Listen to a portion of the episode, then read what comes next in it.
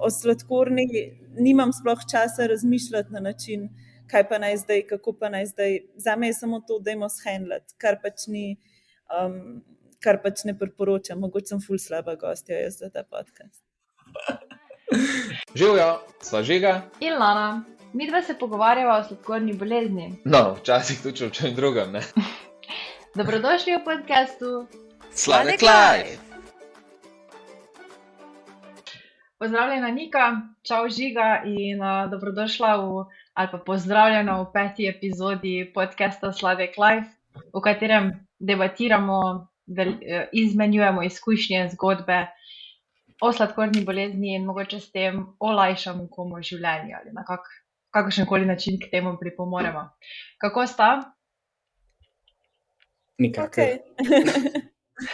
Ja, jaz sem, glih, glih prej sem lani razlagal, da mi je don že trikrat sladkor padel, tako da imam še klen sokec pripravljen za vsak slučaj, če bo kriza. tako da nekaj, ja, pozdravljam še v mojem imenu. Um, Dej, da te na kratko predstavim. No. Um, pač najbrž si že sita teh predstavitev, ampak prav je, da tudi najni uh, gostje, mislim, gostje, pardon, poslušalci uh, slišijo, pa da te spoznajo. Ti si v bistvu sociologinja, antropologinja, ustanoviteljica in direktorica tudi uh, inštituta 8. marec. Um, no, eni ti pravijo na Gajuka, ampak jaz mislim, da si kar prava slovenka leta uh, 2021, uh, tudi pisateljica še marsikaj, ne? ampak za naj, tudi najbolj pomembna stvar, ki bi jo danes rada izpostavila, da si sladkorna bolnica, da imaš sladkorno bolezen tipa 1. Um, tako da v bistvu, mislim, vse, kar počneš, kar delaš nama, ni čist jasno, kako sfolgaš s to uh, boleznijo, ampak se boš zaupala, upam, da kašno skrivnost podala, da bomo še mi si zapisali, pa sledili temu. Um, lahko pa še povem, da si zdaj trenutno v New Yorku, v Ameriki, kjer ste v bistvu opazili prejšnji predsednik Barack Obama, ki ti je v bistvu, um, kako v bistvu med 40 na svetu, uh, si zdaj ne. Dobila to štipendijo in si v. Med 12, prej sem bila med 40, zdaj sem med 12. Aha, na koncu je bila še selekcija. Wow. Tako da res čestitke. No. Um, boš tudi malo te izkušnje na hitro povedala, kako pa kaj izgleda. Tako da res iskrene čestitke za vse, kar počneš. Hvala ti, um, hvala 8. marcu, tako da uh, tok iz moje strani. No. Um, hvala tudi Nika, da si, si vzela čas in boš z nama delila svojo zgodbo, izkušnje. Um, Si nam za res en velik navdih in verjamem, da se lahko tako mi dva, kot ostali diabetiki, tudi veliko naučijo od tebe. Mi dva te danes o politiki, uh, ti bova dala mal dihati in se bomo osredotočila samo na sladkorno bolezen. Zato me kar na začetku že zanima, mogoče če deliš z nami, kakšna, kdaj si zbolela za sladkorno boleznijo, kakšni so tvoji začetki. Ja, meni je drugače to kar težko, ker jaz v sladkorni um, dosta ne rada govorim. Uh, predvsem zato, ker sem vedno hotela dokazati, da lahko vse. In potem um, sem jih zdaj, ko sem pisala knjigo Pisma tebi, sem prvič začela pisati o tem uh, o bolezni. In uh, moram reči, da je tudi za me, po mojem, ta podcast eden večjih izzivov, um, ki jih imam. Uh, veliko lažje bi z vama govorila o svetovni politiki kot o tem. Torej, jaz sem zbolela, ker sem bila stara pet let. Um, spomnim se v bistvu zelo malo, bolj po pripovedovanjih staršev. Um, ker naenkrat sem bila zelo velik pila, um, bila sem zelo nemerna, shujšala sem. Um, ni, ob določenih delih, delih dneva je bilo z mano še veliko slabše kot ob drugih, um, in dolg časa pač starši niso vedeli, kaj se z mano dogaja. Potem pa um, so me poslali na meritve sladkorja, um, smo šli v Maribor um, kjer mi je pokazal, um, mislim, da 27 sladkorja in tako se je vedel, da je sladkorna, um, pač um, treba je iti v bolnico, treba je iti v Ljubljano, um, kjer sem jaz imela veliko srečo, da je bila mama z mano lahko v bolnici vse čas um, in v bistvu. um, takoj sem jaz padla pod okrilje Tadeja Batelina, um, ki je bil za mene eden izmed boljših zdravnikov. Predvsem cenim to, da je zelo neizprosen, kar meni ustreza, mu verjetno marsikomu ne. Ampak prva stvar, ki jo je on zelo jasno nam povedal, je, da nikoli ne bomo zdravila in da je pač tako, kot je, da bo tako ostalo zavedno. Tako da um, smo šli potem naprej, se mi zdi, graditi neko normalno življenje in normalen life. Uh, ven iz tega se pa spomnim, da sem fuligrač dobila v bolnici in da mi je bilo to dobro. Ja, jaz tisto, jaz sem imel po mojem največ igrač takrat v življenju, kar nosil sem, ker prej nisem obstajal. Pač. ok, jaz sem mene.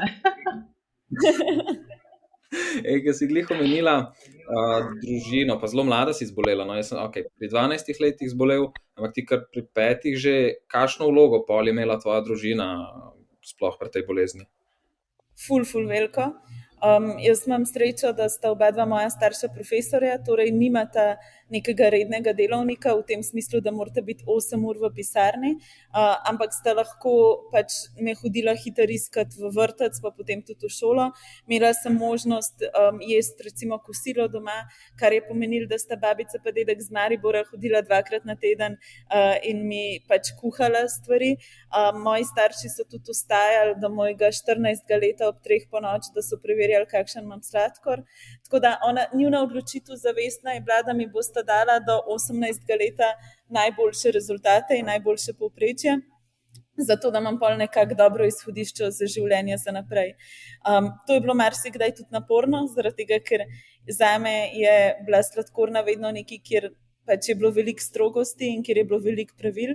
In sem še lepo v nekem nadaljevanju ugotovila, da hej, to je moje življenje in moram se naučiti pač, um, tega ne videti samo kot nek sklop pravil in omejitev. Um, ampak sta se pa pač res, res trudila in uh, v resnici uložila vse v to, da sem jaz zdaj ok in da pač furam normalno nekako live naprej. Jaz sem te. Jaz sem te sicer želela vprašati, um, kako je bilo tvoje življenje pred sladkorno, recimo, če bi primerjala prej in zdaj, ampak bom spremenila, tako kot si rekla, uh, ful me je privlačilo, ko si povedala polno pravil in omejitev, ker sem tudi jaz gledala na tak način. Um, bi pa lahko rekla, ali pa mogoče primerjava sladkorne bolezni, torej takrat v začetku, ko si gledala na njo kot omejitve in uh, ko so te v bistvu vodili starši in mogoče tudi ta pritisk na tebe, da moraš imeti popolno, čim boljše urejeno sladkorno bolezen, napram zdaj, ko je bolezen v tvojih rokah. Ja, jaz, jaz sem vedno, recimo, meni je bil eden največjih teh preskokov v moji glavi, je bilo golfanje. Ker vedno se je govorilo, da ko pač poješ nekaj, kar ni ok, da golfaš in da si je treba dodati inzulin in da je treba pač res to imeti kot nek prekršek. Pa na eni točki, ki sem pa pač začela živeti sama in k, um, sploh zdaj v Ameriki, pa se meni zdi, da hej, to ni golfanje. Če si jaz dodam inzulin, vem, kaj pojem, preračunam, je to v resnici um, pač hrana, ki mi ne dvigne sladkorja, ker vem, kako jo moram shendlati in je pač nek del življenja, ki si ga moraš kdaj pa kdaj tudi prvoščiti, da se ti ne zmeša. Ne? In lih to, da sem se, za me je bil največji preskok v bistvu to, da sem začela razmišljati o tem, kako tudi kdaj, če pač mi življenje razpada, če sem sred kampanje, če vidim, da mi sladkorji grejo gor, uh, ne da to jemljem z neko paniko, pa strahom, ampak da se ustavim in rečem, ok, imam mehanizme, imam stvari, da vse skupaj. Umirim, um, da imamo zdaj samo pogledati, kaj narediti, da boš ti ok, in kaj so te stvari, ki jih v tem trenutku rabiš, ne pa razmišljati o tem, kaj delaš prepovedanega, da se tvoje telo tako odziva. Um, ker se mi zdi, da um, imamo vedno dve možnosti.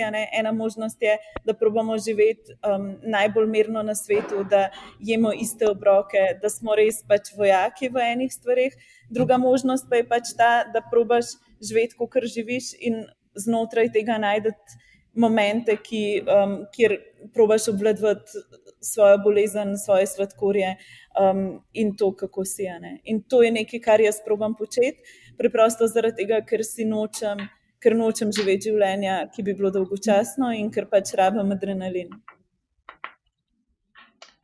Ja, ja jaz na nek način. Mislim, to je nek ujetništvo. nek, kako bi jaz rekel, če poštekaš sistem, pač poštekaš ti sistem in zakaj bi si um, grenil pol življenja, pa, pa sledil uh, nekemu rigidnemu načinu, ki, ki je lahko v bistvu doskrat full stresane. Tako da, če imamo, kot si rekla, te mehanizme, če nam je medicina dala, če so znanstveniki že tako napredne stvari pogruntali, pa zakaj ne bi te stvari izkoristili, pa si naredili tudi mi um, maksimalno lep life. Ne? Um, sej, sej, kako si pa ti na začetku? Čas, pa rabiš izkušnje za to. Ja, ja. Kako si pa ti na začetku? Kako si se zdravila, kako je izgledal tisti um, začetki, pa zdaj, no? zdaj najbrž si na inzulinski črpalki, če prav predvidevam. Ja, v bistvu sem začela s temi konjskimi junki injekcijami, ki so bile, um, ker sem v resnici pač kjer je bilo zdravljenje potekalo na način, da si mogel ustati ob točno določeni uri, jesti ob točno določeni uri mm. in zelo dosledno dajati te injekcije. Tako da moj spomin na otroštvo je to, kako v različnih koncih in krajih um, iščemo stranišča, da sem si jaz dala injekcije um, in kako v bistvu moja največja stiska sladkorno nikoli ni bila povezana z bolečino. Jaz to zelo pač nikoli nisem zares. Um, se mi zdi, da si nisem nikoli dovolila in so me tudi tako peljali čez to, da o tem ne razmišljam. Ampak recimo vem pa, da me je bilo ful strah kot mehko punčko, da bodo ljudje mislili, da se drugiram.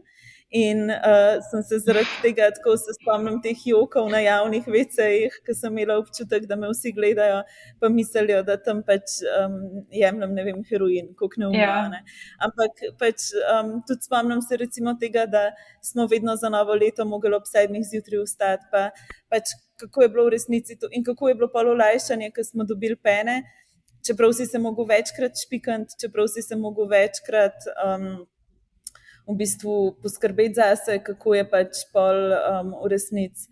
Um, Vlo lažje, ker nisi rabo več jesti na uro, nisi več rabo ustajati na uro. In meni je bil že ta preskok ful pomemben. Pol sem pa v petem razredu osnovne šole dobila med prvimi inzulinsko črpalko, ki je pa pač meni življenje postavila na uh, normalo in uh, v bistvu. Um, zatem uh, še senzorje, ki pač merijo sladkor, kar je pa sploh zdaj, ko sem uh, tukaj sama v Ameriki, za me veliko olajšanje, ker lahko imam občutek, da um, imam nadzorno in da me mašina pa zna me. Mhm. Si katero, a imaš ta senzor, ki je povezan s črpalko, že je to najnovejšo? Ja, imela mhm. sem najprej s telefonom, pa pa sem ugotovila, da to res ni dobro za um, moje psihološko stanje, ker tako sem skozi na telefonu in pa sem imela še ta moment, da sem bila še za cukor skozi na telefonu in ko sem hotela, da telefon stran, je to pomenilo, da dam tudi cukor stran. Ja. Tako da uh, zdaj, ki je pa pač na črpalki, je pa ok. To je bil tudi en mojih razlogov, ko sem jih vsi, pa zakaj ne na telefonu, to je ja najbolj enostavno.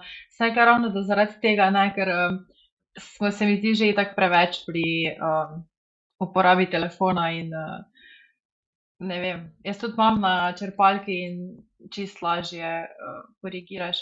Če sem te prav razumela, Nika Pol, mm, ker tudi jaz sem bila na injekcijah prvih pet let in si me spomnila uh, mojih epizod, ko sem uh, odhajala na stranišče, zato sem si na skrivaj dala injekcije in mi res ni bilo prijetno. In tudi uh, enkrat mi je nekje igla padla in ravno ta moment je bil, da sem se počutila kot junkie. In sem zaradi tega skrivala, si pa tudi ti, verjetno, v tistem, v tistem času bolj skrivala, kot pa da bi bila brez sramu. Ja, v bistvu, Kakšen si imela sploh pogled? Ja, zdaj, ki si tako malo pisala, se sliši, da si lagano vse zvozila, da je bilo pač tako, kot je bilo. In, uh, ampak, a si imela kakšne pomisleke, a si imela kakšne težke dneve, trenutke ali kakšno prelomno točko mogoče? Ne, valjda, jaz pač tudi v resnici čeprav zdaj govorim mogoče na nek tak malce bolj lahkoten način, pač stvari so bile za me vedno tudi um, zoprne, pa težke, pa vse, ampak um, se mi zdi, da je bilo ful pomembno, da neka ta osnovna drža mojih doma je bila, da je to normalno. Da karkoli je, da je pač del normalnosti in da ni izrednega stanja zaradi tega, ker jaz pač to bolezen imam. To mi je dalo ful velik. Hkrati pa pač ja, ena stvar so bili ti momenti pač skrivanja, meni je bilo tudi težko, ker pač vsi vemo, da ko kar koli hočemo biti tisti vseh stvari ne moreš isto delati. Jaz sem šla prvič v šolo v naravi, šele v petem razredu, pač zaradi tega, ker prej preprosto zaradi sladkorja, pa zaradi vsega, ker bi se mogla učiteljice naučiti. Pač, um, nisem mogla iti zraven in mi je bilo tudi zato težko. Um, jaz sem imela še neko neumno, fiksno idejo, da se ljudje z mano družijo samo zato, ker imam sladkorno in se jim smilem. In sem se vedno potem s tem sama borila. Um, pa recimo, težko, vedno je težko priti v neka nova socialna okolja in to je nekaj, s čimer se jaz borim še danes. Um, recimo, ko sem prišla v gimnazijo, jaz ne pijem, ne kadim, jaz sem tle ful, ful dosledna, ker imam um, v glavi nek ta tik, da moram vse čas obvladovati svoje telo in da se ne smem ničemor prepustiti, ker nočem, da kdo drug pač skrbi za me. Um, in najtežje mi je bilo, ko sem mogla sošolcem razložiti, pač ena, da sem bolna, mislim, da imam sladkorno, pač in dva, da ne pijem in da še vedno to pomeni, da grem lahko ven z njimi in da se bom imela super. Um, tako da moja taktika je bila potem v srednji šoli ta, da sem zelo, zelo. Uh, začela uporabljati črn humor, da sem se veliko hecala sama iz sebe, um, da um, sem se um, pač veliko norčvala in da zelo hitro so me pol začeli sošolci uporabljati za to, da sem jaz na avtobuse na izlete švrcala za njih alkohol, ker noben od profesorjev mene ni preverjal. Um, pa hkrati um, sem pa vedno imela okoli sebe par ljudi, ki so zelo jasno vedeli, kaj se lahko z mano zgodi in so recimo kradli cukre za me po lokali in me čuvali. Tako da tudi recimo tukaj v Ameriki je bilo meni ponovno najtežje razložiti ljudem, s katerimi zdaj živim že 8 mesecev, hej, pač sladkorno imam.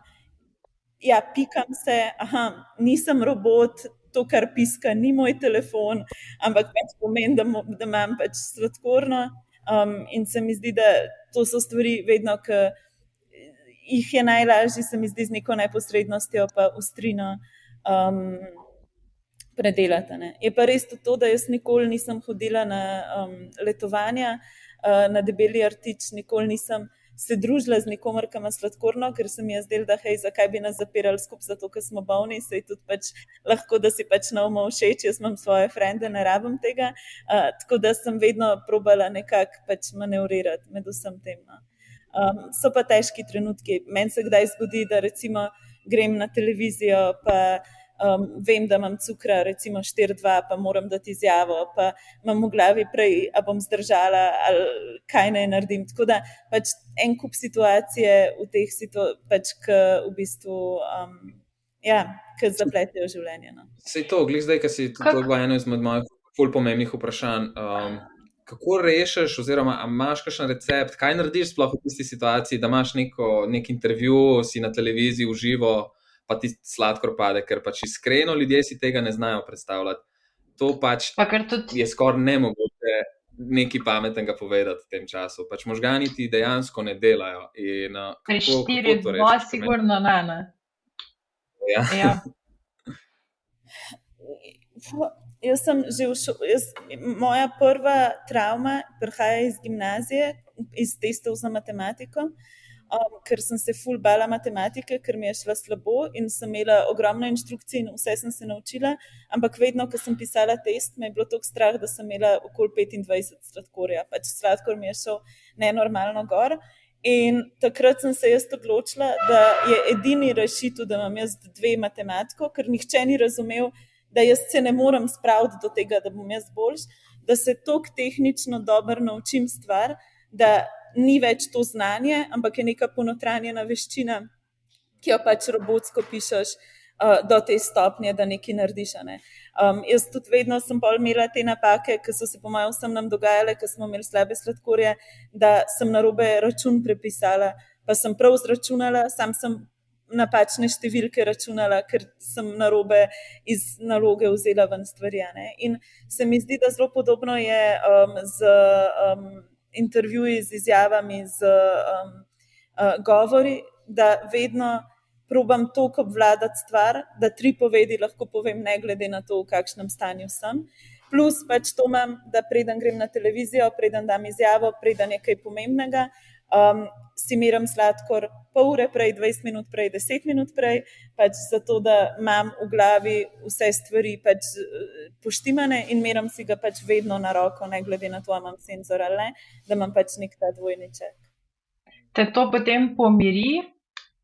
Ker jaz, ko sem recimo v svojih primerih, ko sem to počela, me je dodatno stresiralo, da sem si še bolj redno merila sladkorja. Rajši mi je bila miselnost, da je vse sladkorje ok.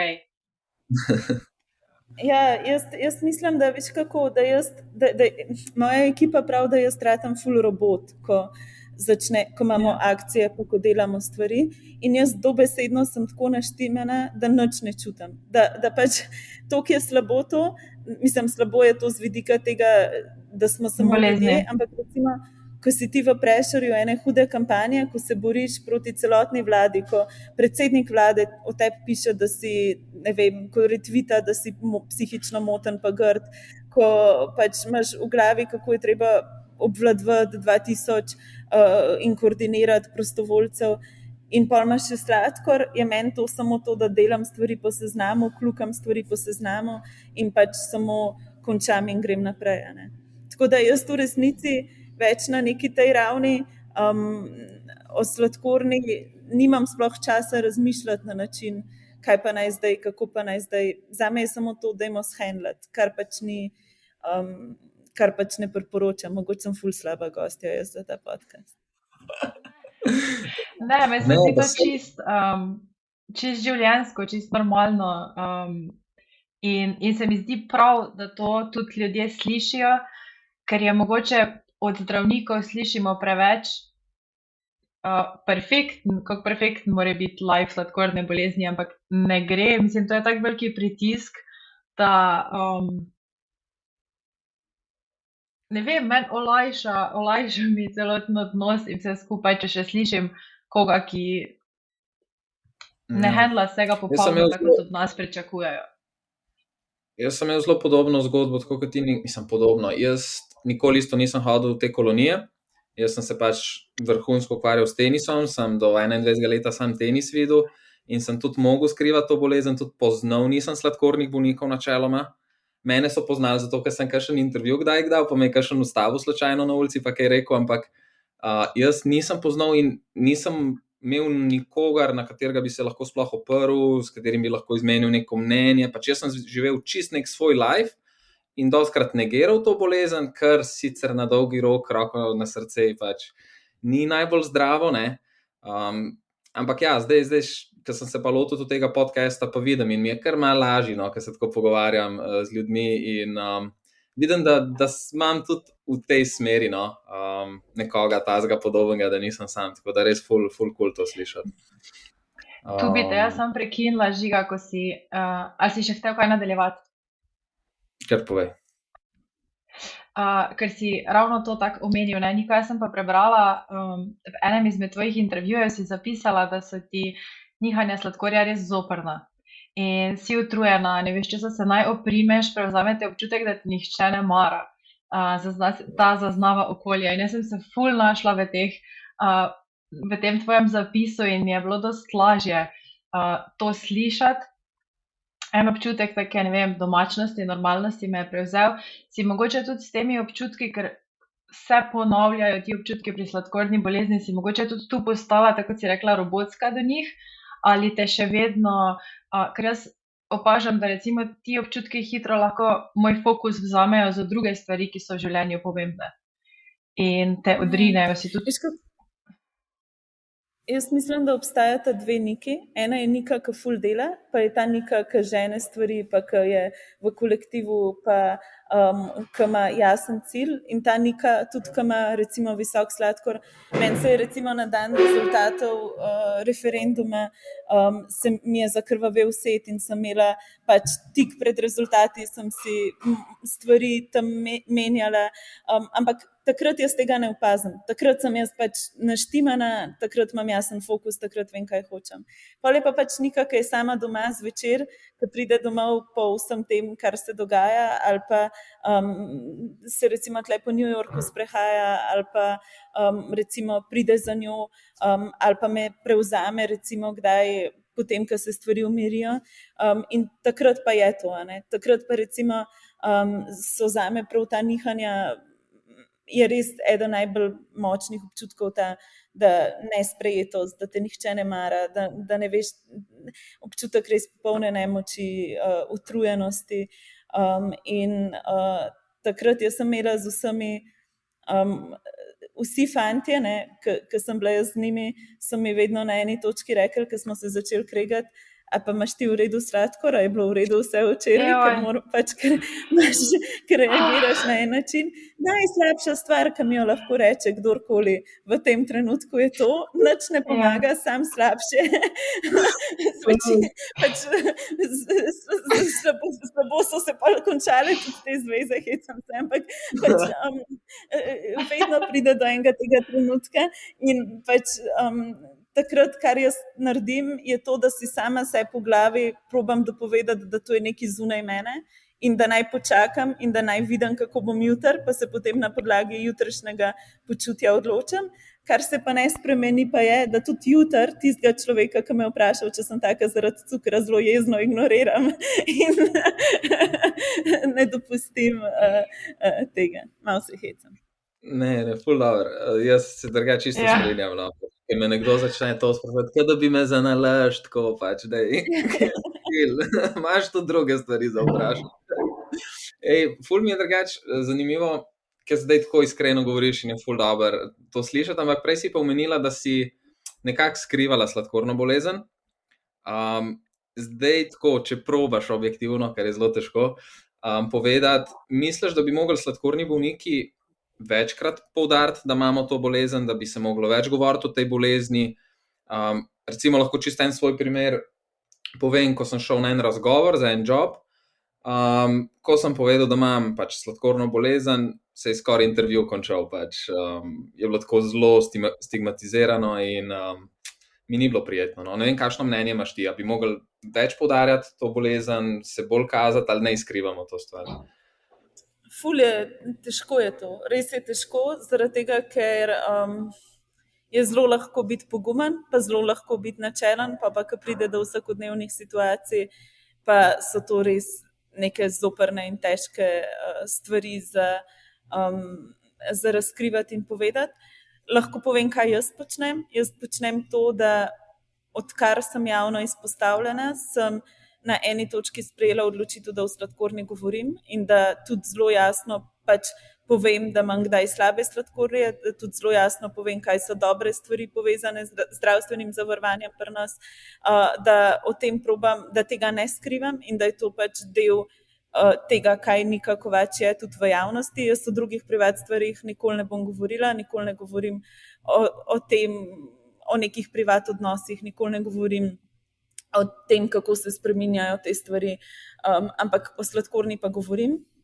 Um, hkrati se mi pa zdi pomembno, da če kadarkoli zaznamo, da, se, da, da pride do diskriminacije zaradi sladkorne, da se um, na delovnem mestu kdo drugače obnaša, da, da so kakšne take stvari, se mi zdi, da je ful pomembno iz tega štalo delati in se postaviti drug za drugega um, in um, preko tega iti. Mm, jaz sem jih razmišljala zadnjič tudi tukaj v Ameriki, ker se mi zdi, da kdaj ljudje svoje osebne okoliščine tudi uporabijo za ustvarjanje nekega narativa oseb, ki ni vedno samo pač povedati, da imaš bolezen, ampak tudi o tem gradiš zgodbo, tudi koliko si ti velik, pogumen in čez koliko težkih stvari si šel. Jaz tega pač ne delam, se mi pa zdi, da je treba najti neko mero med vsem tem. Um, pa hkrati. Mm, še jih razmišljam, ne? jaz nikoli v bistvu ne vem, če bi na razgovoru za službo povedala, da imam sladkorno, ampak preprosto, preprosto zato, ker mi ne bi padal na pamet. Se mi zdi, da prvo se moram zboriti za plačo, za uh, to, kakšne so moje delovske pravice, kakšno bo moje delo, kaj znam delati, da pa um, je pač to moja osebna okoliščina, ki v resnici. Um, Zato, da me nekdo zaposli, ali pa ne, ne bi smela imeti vpliva. Um, ampak se mi pa zdi v bistvu tudi prav, da se to pove. Pač, sam pravim, da moj avtomatičen odziv je ta, da, um, da v resnici nimam tega tako reflektiranega. Jaz celo ne vem, če so ljudje, ki so me tle sprejeli v Ameriko, vedeli, da imam jaz sladkorno. No? To bom prav šla danes pogledati, če sem jim napisala v prijavnico. Mm, mm. Ja, ful je tako no, kočljiva situacija. Ne? Zdaj, jaz sploh ne vem, zakaj sem v tistem trenutku, to je bilo že ful let nazaj, no? ampak uh, tudi v tem trenutku, ja, če bi imel kakšen razgovor, ne vem, če bi zares povedal. Mislim, probaš oceniti situacijo, probaš oceniti človeka, eni to mogoče cenijo, mogoče biti zaradi tega višjo plačo, da kot si rekla, eni pač bi te pa zavrnili gladko. Ne? Tako da mogoče kleno svet za ostale, da ne res pretehtajo sami, pa pač um, včasih so plusi, minusi. Predvsem, če lahko izkoristim, um, uh, uh, vse to pač v Sloveniji velja zakon o varstvu pred diskriminacijo, kar pomeni, da tebe delodajalec ne sme diskriminirati na podlagi osebne okoliščine. Um, in osebne okoliščine, naprimer, kot je invalidnost, sladkorna bolezen. In obstaja institucija, kamor se prijavijo te ljudi, ki to kršijo, in to je zagovornik načela enakosti če pride do tega, če se to pove, je to treba prijaviti takoj, ker s tem narediš nekaj za vse ostale, ki se zdaj tukaj sprašujemo, mm. ali to sploh smemo povedati ali ne. Ker v resnici bi cilj mogla biti družba, kjer je popolnoma vse en, če ti to poveš, in ne bi smel sploh razmišljati o odzivih, a ne delodajalca. Hvala, ful, mislim, super, da si to povedala, res. Ja. Um, dej povej, ti si zdaj pač. Um, New Yorku, na tej prestižni univerzi, Kolumbija. Um, torej, kako zgleda, mislim, jaz sem prvi, takoj sem se spomnil, ko sem zvedel, da si v Ameriki, kako si zdravila sfurala, kako si jih prenesla, ker pač tam, mislim, najbrž možno, to so ogromni paketi, ljudje si ne predstavljajo, mi dobimo za tri mesece tako ogromne škatle, da lahko si to sladkorno bolezen zdravimo. Um, drugo vprašanje pa, če si slučajno koga spoznala, ki ima sladkorno bolezen v Ameriki? Ja, jaz sem mogoče resnici. Ja, ok, kar kar. Ja, jaz v bistvu pač v Ameriki um, imam, tok, imam zdravstveno zavarovanje, ki je precej dobro, ampak mi ne krije mojih pripomočkov. Kar je pomenilo, da če bi jaz hotela tukaj dobivati zdravila, bi mogla plačevati na stotine in stotine dolarjev, pač za najbolj osnoven inzulin in injek, injekcije. Uh, kar je pomenilo, da sem jaz prvih 4 do 5 mesecev v bistvu hodila um, uh, domov um, vsak mesec, zato da sem nabrala inzulin in pripomočke. Zdaj imam pa to srečo, da prihajajo moji na obisk uh, v Ameriko in mi različni ljudje prenašajo zdravila. Um, tleh je drugač grozen, pač inzulin to stane, da ljudje umirajo, um, ker ne dobijo inzulina. Jaz si nočem predstavljati, kakšna smrt je, ko ti umreš, zato ker imaš 30 dni, 30 sladkorja in ti začne vse počasi odpovedovati, in da ti umreš zaradi tega, ker pač nimaš denarja, da si kupaš najbolj osnovno zdravilo. Um, jaz nikogar tukaj nisem sladkorno še spoznala. Um, je, pa, je pa tako, da je pa življenje, če pač imaš denar in če imaš udobno življenje, in jaz ga tukaj imam je pa pač raj za sladkornike, ker toliko sladoledov brez cukra, toliko vseh sladkarij, ki jih pač tukaj lahko dobiš, ki so pač ki najmanj škodijo sladkorju. Riž iz cvetače, njoki iz cvetače, pica iz cvetače. Pač, eh, tako vse lahko ješ, lahko tako, kot da si pač čistiš, čist ok. In tam pač draguje vse. Ne? Vse ful stane, ampak če ta denar imaš, pač je to um, kar carski life. Lahko. Ja. To je ful dobro, da si poudarila to. Um, mislim, da situacijo v Ameriki pa potem izpostavila, da je tudi v Sloveniji imamo glede sladkorne res kar kul cool poskrbljeno. Sej so seveda lukne v, v našem zdravstvu, vsi se zavedamo načeloma, kje, ampak pri sladkorni bolezni smo kar dobro no, na, na zeleni veji, bi jaz rekel, ker sem spoznal veliko prijateljev iz balkanskih držav, Srbije, Bosne, ki um, mislim, tam pa sploh nimajo dostopa, tam pa sploh ne pridejo.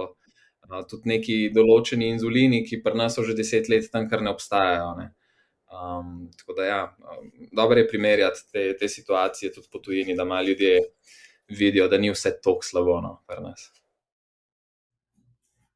Bi rekla, bolj, pač to mogoče za ena druga stvar, ampak je uh, neko se kaj tok te hrane, ampak to je bolj povezano verjetno z fit lifestylem, ki je zdaj trenutno in ne na račun sladkornih bolnikov, ker tudi če si nekako ne moreš privoščiti nakupa inzulina, si tudi take hrane ne moreš privoščiti, ki, um, ki je torej sladkorni bolezni ja.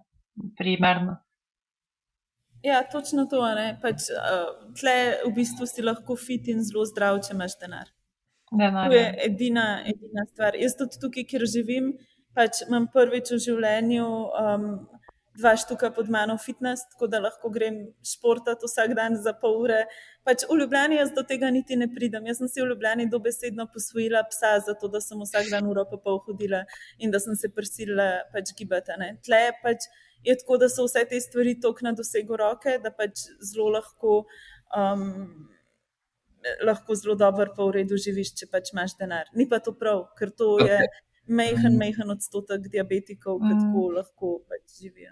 Ja, glej, to sem te hotel vprašati, če ti gre to na živce, kaj meni, ja, jaz bi kar, mislim, ne zdi se mi pošteno, ne, da denar vodi vse te stvari.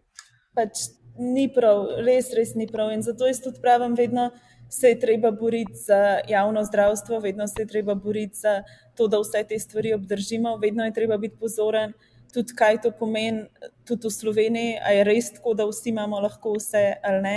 Um, in delati neke analize tega in raziskave.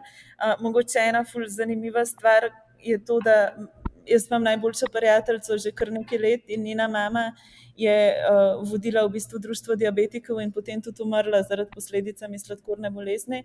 In um, moja urška prav, da sem jaz njen popravni izpit, uh, da, pač, da, da jaz bom ok in da bomo šli čez, ampak kar sem se jaz naučila z njenega pripovedovanja o njeni mami, z nekega pogovora o tem, kako je bilo, je to, da je treba biti tudi v Sloveniji zelo pozoren na vse te stvari in da um, bomo pa mogoče kdaj rabili neko skupnost tudi nas, ki se bo oglasila in začela boriti, če nam bo karkoli hotel vzeti. Ja, mhm. ja, točno to. In upam, da bo tudi midva, no, ki je pripomogla k temu, mi da so vedno za kakšno akcijo, če boš hotla na tem področju, kakšno pomoč, eh, sva tvoja. Tako da um, ja, upajmo, da ne bo do tega prišlo, ampak če, bo, če bo, bomo glasni, no, tako kot si rekla. Ja.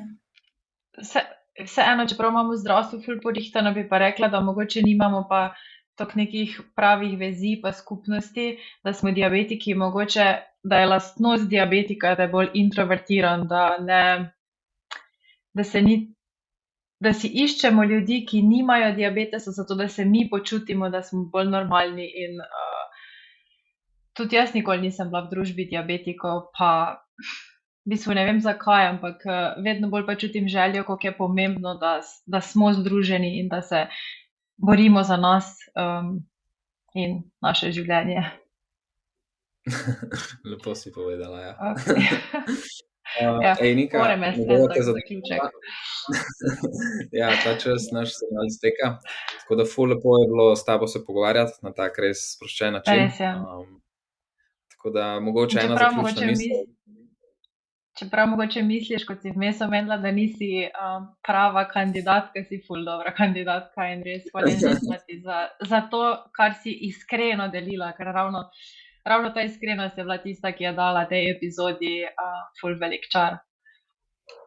Ja, Nadaljuj žiga, v bistvu, sorry. Ne, za, za konec lahko v bistvu povem, tako, kaj se je tleh zgodilo, recimo mi tri dni nazaj, pa se mi zdi ful dobro za zaključek.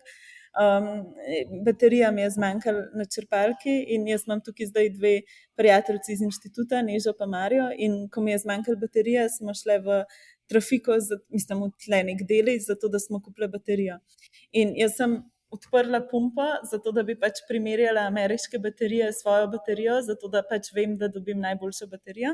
In uh, v tistem trenutku um, se je nekaj zgodilo, bom pa povedala kaj, ampak kar naenkrat baterija, ki sem jo jaz začela menjavati, ni več prijela v črpalki uh, ni, ni zaznal baterije. In potem smo mi panično začeli z Marijo, smo začeli kupovati te baterije, osem baterij smo kupili, ker smo mislili, da je z baterijami nekaj narobe in pumpa ni delala in ni delala in ni delala. Ura je bila pa, ne vem, pol ena po noč v Washingtonu. In mene je taka panika, zaradi tega, ker pač. Ena, imela sem stvari v hotelu, sicer pač lahko vedno si daš s penom injekcijo, ampak vemo, da to ni to dva, v glavi sem imela samo, jaz sem v fucking Ameriki, eno črpalko imam, pa zdaj baterije ne delujejo. in klicala na dežurno linijo v Slovenijo, kjer sem zvedla, da je na zatiču na pumpi en mehen zlat delček, ki more, ki, ki kdaj odpade in če odpade, ga moraš nujno najti, zaradi tega, ker, je, treb, ker pač je to to, kar povezuje baterijo. In jaz sem bila v, tem, v tistem trenutku fulmirna, Marija malo manj. Um, in smo šli nazaj do trgovine in po celi poti iskali milimetrski zlat delček. Sva, in, in jaz v tistem trenutku, pač jaz sem bila sam fokusirana, kaj narediti, če tega ne bomo našli.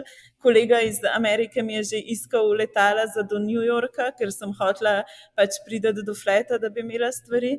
Um, in pol smo ta delček pač našli na tleh v trgovini, tik preden bi ga pometla uh, prodajalka v štacuni, ga dali gor in pol je delala črpalka normalno naprej.